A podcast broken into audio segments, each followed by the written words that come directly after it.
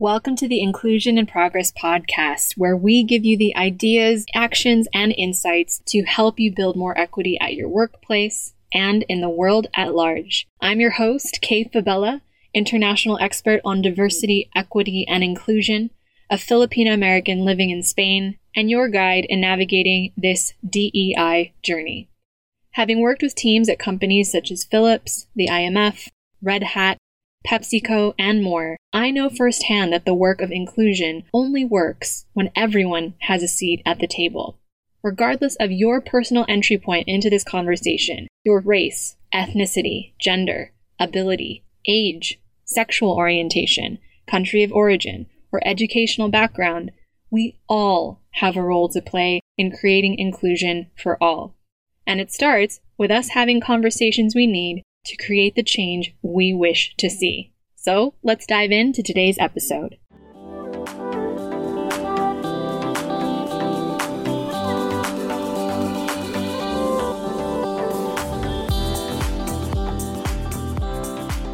Hey, hey, hey, it's Kay here, and welcome back to Inclusion in Progress. As many of you may remember, this time last year, I decided to put out a special birthday episode because my birthday is July 27th, so coming right up. And I thought it was a really cool way to kind of go behind the scenes, to do something a little bit different. And in the spirit of my birthday and wanting to give a gift as a thank you to all of you as listeners, really peel back the curtains. And so last year we put out this special episode to celebrate the end of my seventh month in podcasting and really just share everything that we'd learned from putting the podcast out there up until that point. Now it's a year later. It is episode 70, 70, wow. And since we started the show back in November 2019, we've had a steadily growing number of listeners from my home country of the US, my adopted country of Spain, and of course 28 other countries now, which is still amazing and incredible to me. And I know that me and everyone who puts this podcast together on Team K is just incredibly thankful, grateful that you would take time out of your incredibly busy days and honor what we're putting out into the world with your time, with your attention, with you sharing these conversations on the podcast, with you using them as the basis for your conversations and everything from your resource groups to your DEI strategy meetings. I mean, it's just, it blows my mind. So 100% thank you to every single person who's listening, including the amazing folks who've left us some reviews, like this one from Sonia out in the US, who wrote, such well done and important content. I recently listened to the show about ensuring your gender equity plan includes all women, and I just have to say, wow. Kay, this show is so well done and so thoughtful and incredibly insightful. Thank you for your commitment to educating in this manner. It's so needed. And thank you, Sonia, for taking time to leave a review. We really appreciate it. And for those of you who haven't listened to that episode already, episode 61 is your gender equity plan helping all women. Please feel free to go and check that out after this episode. It's one of our most highly downloaded ones, and I highly recommend it. We also got a review from Loris in the Netherlands who wrote, A podcast you don't want to miss. I really appreciate Kay's podcast, very rich in insights on a big variety of topics. Kay has a unique intersectional perspective on these topics. This podcast is very easy to follow and listen to. I recommend it. Thank you, Loris. We really appreciate it. And if you haven't already, I know there's quite a few of you who've been listening to this podcast for a while now who have shared this out and helped our audience grow, helped this message get out there. It really does make an impact. And so, my favor to ask of you for my birthday, and also on behalf of myself and Team K, we've had such a lovely reception from all of you. And it's because of listeners like you and reviews like these ones that not just keep us going, but help us reach more people with these resources, with these very timely, well researched, well thought out podcasts that allow people to benefit from these insights, to take these guest interviews into their organizations, and really, more importantly, increase our impact to change hearts and minds that lead inclusion in our workplaces and beyond. And so, my ask of you today, if you've been listening to the show and you love it, please subscribe, rate it, leave a review for us on iTunes, especially, and I will make sure that we put the link to the show notes for you so it's super easy for you to find. But in case you don't know how to do that, all you have to do is leave us a review on iTunes by opening the app on your mobile device or on your desktop. Search for Inclusion in Progress and scroll down until you see Write a Review. So I'll be sure to leave a link in the show notes to help you out. And of course, a massive thank you to every single one of you who've already left us a review who continues to share this show with your colleagues, managers, allies, and fellow professionals from across the globe. From the bottom of my heart and on behalf of Team K, thank you, thank you, thank you. Without further ado, let's dive into today's episode, which is all about the three lessons that I've learned in DEI work over the past year. Now, this one's going to be a little bit more of a personal one, and unlike past episodes where we put a lot of work into research and effort and really making sure that all of the facts and figures that we share with you are backed up, this is going to be a little bit more off the cuff behind the scenes. And my hope is that you take some of these insights with you into your own DEI conversations within your teams, within your organizations, and more importantly, across the globe with everyone who could benefit from this. So, the first thing that I want to talk about is turning your experiences with non belonging into stories of empowerment for you and belonging for others. Now, what do I mean by this? Well, it's no secret, and I share this often.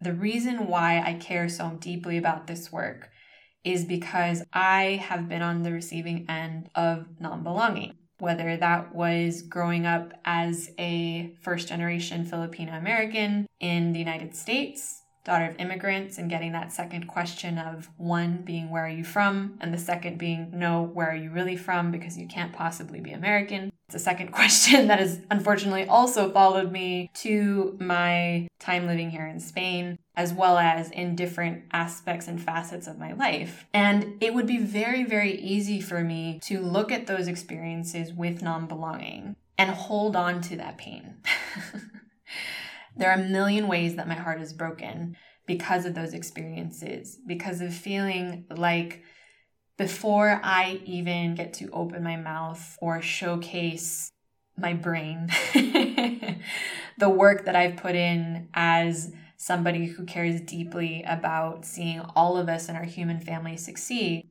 all of that can be prejudged or erased before I have an opportunity to speak on my behalf. And over time, it's that famous phrase of death by a thousand cuts. And I could hold on to that pain. Or I could use those stories as a way for me to move forward, as a way for me to draw from wells of empathy for what it looks like for somebody who's entering the DEI conversation for the first time, regardless of their physical packaging, feeling like they are not welcome into the conversation. And I feel for that person. It doesn't matter if our physical packaging or our life experiences are different. I know that every single one of us, including you who's listening to this podcast, has lived in a place of non belonging, has experienced some level of exclusion or being placed in a box that somebody else chose for you in your lifetime. And that's the place of empathy that I draw from to let that person in front of me feel seen and valued and heard the way I would have wanted to in those moments. Knowing that every single one of these actions over time leads to greater inclusion for all. And so, my ask of you, regardless of how you've entered into this work over the past year, in this challenging season that we've all had to lean into, is whatever you've lived through, rather than leaning into that story of where you haven't belonged and using it as either a way to harden your heart and lead into the world with your story as armor. Use it as a bridge to extend a hand to the person in front of you and build belonging for them the way that you would have wanted others to build belonging for you when you were on the receiving end of that treatment. Because again, as I've said on this podcast before, there are a million ways your heart could break every day.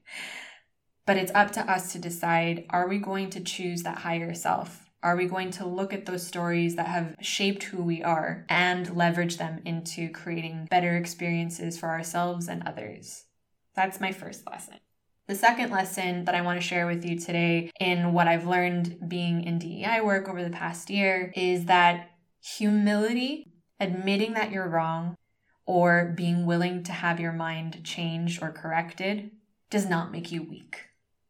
Being willing to admit when you're wrong, when you've had your worldview challenged, when a cultural view that even seems to exist in a way that is diametrically opposed to how you see the world can be true simultaneously to your own. So, this may not necessarily be the most popular lesson, especially given that it seems like everything in our world today is polarizable. I'm just thinking of Naomi Osaka, for example, and the incredible article that she wrote in Time about what it was like for her to watch as her raising her hand and saying, I'm just not going to opt into this way of doing things for my mental health, which she thought was pretty straightforward and unquestionable, turned into this maelstrom of, of judgment and disdain, and everybody had an opinion. So I know this won't necessarily be a popular opinion, especially when it feels like in this day and age, culture as we know it is having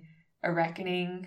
Our ideas of what was considered authentic or of this place or belonging to this place, they're being challenged every day. Belief systems are clashing every single day.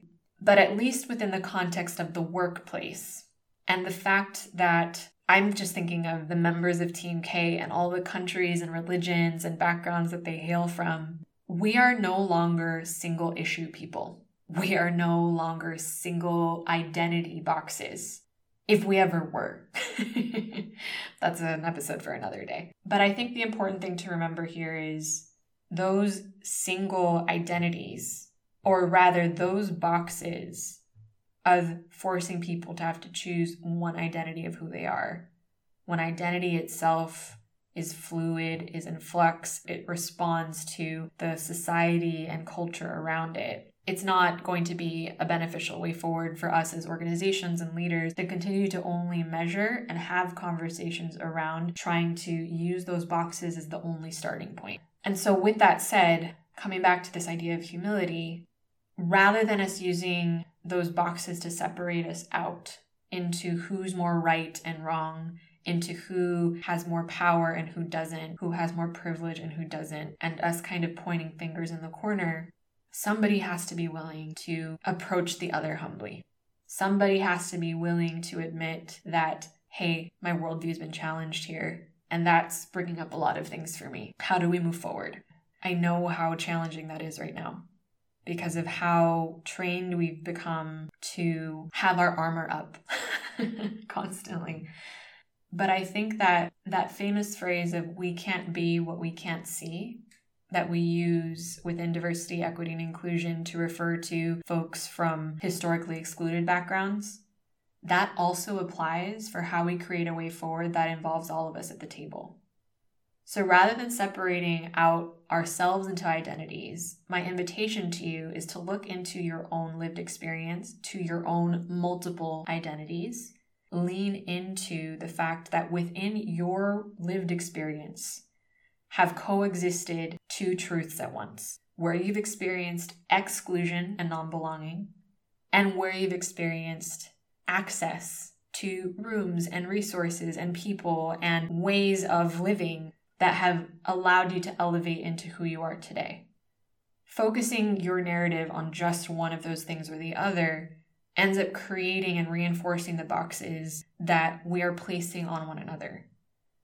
And the only way forward, at least from my perspective, and I'll be talking about this in my upcoming book, which I'll share more about later, is by unclenching our fists and opening our hands. And if we're able to lead with the nuances and subtleties in our own stories, we can invite others to do the same. We can be what has not been seen before. That's my second lesson for you. So, the first two lessons were turn your experiences with non belonging into stories of empowerment and belonging for others. Second was humility does not make you weak. The third one is, and this is a big one, my experience with diversity, equity, and inclusion, especially over the past year, has taught me that DEI is hard work and heart work. DEI is hard work and heart work. Yes, the American is pronouncing her T's. but sometimes you're going to have to fight for what is right. You're going to have to armor up. You're going to have to go to battle, as it were, in the long, long path to progress. We are going to have to dismantle systems and continue to dismantle systems and mindsets that have been so long established that we didn't even know that they existed and we perpetuated them within ourselves. And those things we will have to fight for equality for all and equity for us to actually raise the floor for people who didn't have equal access to opportunities beforehand in the workplace is going to require hard work to break down those systems. And DEI, especially for those of us who join this work from a place of personal experience, from having lived through non belonging or exclusion, or watched someone we care about or love go through that. Our hearts are in this and our hearts are on the line every day. So, my invitation to you when you're thinking about this is yes, fight and rest. Sometimes you're going to have to open your hands and let somebody else in to help you. Sometimes you're going to have to open your hands and recognize, I didn't know that. Or that wasn't the outcome that I thought. Or there was more to the story than the narrative that I may have come into when I walked into this team, this organization, this culture. And you're going to have to open your hands to that. And that's going to require, again, a level of humility, an ability to see that truth or new truth unfolding in front of you from a place of invitation and not a place of armor. And for you to be able to do that, for you to be able to engage in conversations that are going to move inclusion forward, because remember, it's inclusion in progress. it's very important for you to regularly rest, to lean on your people, to not feel like you have to do this alone. I am so incredibly grateful for my team that's grown and the incredible people behind me who make Inclusion in Progress what it is, who've helped it grow, and who are taking us into its next chapter as Inclusion in Progress LLC. I'm so incredibly grateful for other practitioners in this work who've not just shown me a way forward, but who are also resources that I can lean on when I need to rest my heart or my head. Whether it's advice or brainstorming around our client partnerships or resting my heart when something ridiculous like the Atlanta attacks. I'm also incredibly grateful for my client partners who I learn from and alongside every day. People in my life who I can lean on not just when I need support and advice trying to figure out how do we move client partners forward, but also more importantly, what do I do when I'm grieving for my community? what I do when I'm grieving because something has happened to our human family that I feel on a personal level, or I feel on a personal level because it's happened to someone I care about. Your heart needs to rest to do this work. And you need to not just pour into yourself through this ubiquitous self care that we hear all the time, but more importantly, let community care for you. I know that's a really hard one because we all feel, especially within DEI, that, oh, we have to have all the answers. We have to design these strategies and we have to be the expert for all the things. And yes, we are experts in our lived experiences. We are experts in what we have done to train and approach this work with humility and continue to dismantle our own biases and understand our own privileges every day to advise others. And this is an ongoing journey. And we've lived through one of the strangest times in history collectively that is unearthing an identity crisis on multiple levels, especially within our organizations. So we need each other. And on that note, I wanted to share a song with you that has been on my mind. Maybe you might have remembered from last year. I shared a little snippet of a song because music is an important part of my life. It's a way that I pour back into myself and it's a way that I feel connected to community, humanity, and there's nothing to me more powerful than music as a uniting force. So I wanted to share a little bit from this song called I Belong by Chinese American artist MILCK. For those of you who might have remembered the song from the women's protests in 2018, it was the video that went viral called Quiet. But this one I thought was incredibly powerful, especially it came out in response to the Atlanta spa shootings that happened earlier this year attacks on the Asian American community and the intersection of fetishization, sexualization, xenophobia, misogyny, all of the above. And I found a lot of comfort in this song, and I think and I hope that you find comfort in it as well. Ooh, I belong. Ooh, I belong here. Ooh, I belong. Ooh, I belong. I've been doing the most out of breath just to show that I deserve to be here too. What I'm growing to know is that I've always been home.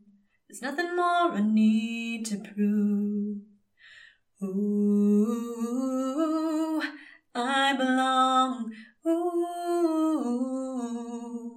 I belong here. Ooh, I belong.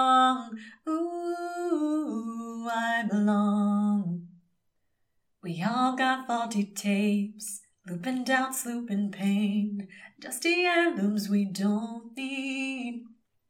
But we got what it takes for the cycle to break. Revolution lives in me. Ooh, I belong. Ooh, I belong here. Ooh, I belong.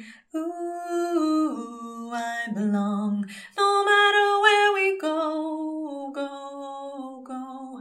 No matter where we've been before. Don't have to feel alone. No, no. We're all finding our way home. We belong. We belong to each other.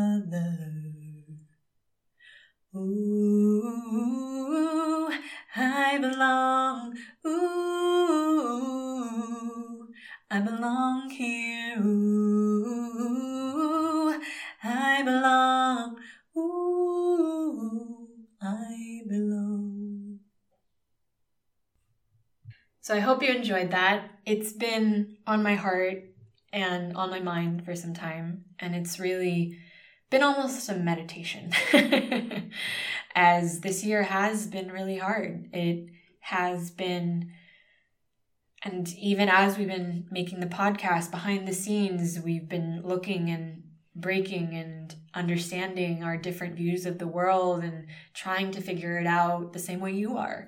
So, my hope is no matter what your entry point is into the diversity, equity, inclusion, or DEI conversation, or the EDI conversation, or the DEIB, DEIA conversation, however you're showing up, however you're leading it, remember that you belong. And not only because you belong, regardless of what you lived through, but we belong. We belong to each other. We belong to each other as part of this human family that we're all learning more about every single day. So, my hope for you as you listen to this episode, a gift from me to you, from my heart to yours. Remember that this is hard work and this is heart work. So, be ready to fight, but also be ready to rest.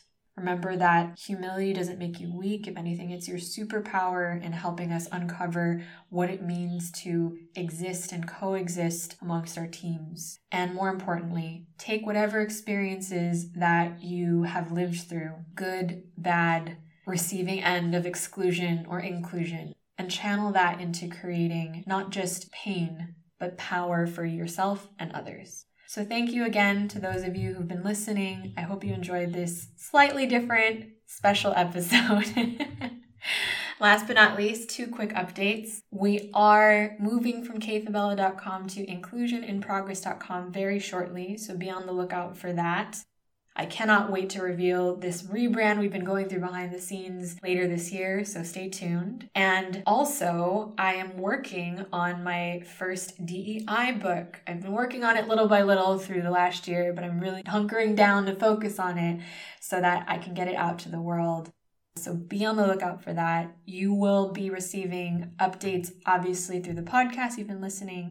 If you want to be the first to hear when those updates come out, please subscribe to our newsletter if you haven't already. So, thank you once again for your valuable time and attention as our team grows, as I grow, as this podcast continues to grow. We appreciate every referral, every email, every message and share, and of course, every review. Please do so if you haven't already, because it really helps us get these resources, these insights, these interviews into the hands of people who'd most benefit from a more inclusive world. I'll see you back here next month on Inclusion in Progress after my birthday month is over and we'll resume our normal programming. So, thank you for tuning into this special episode, and until next time.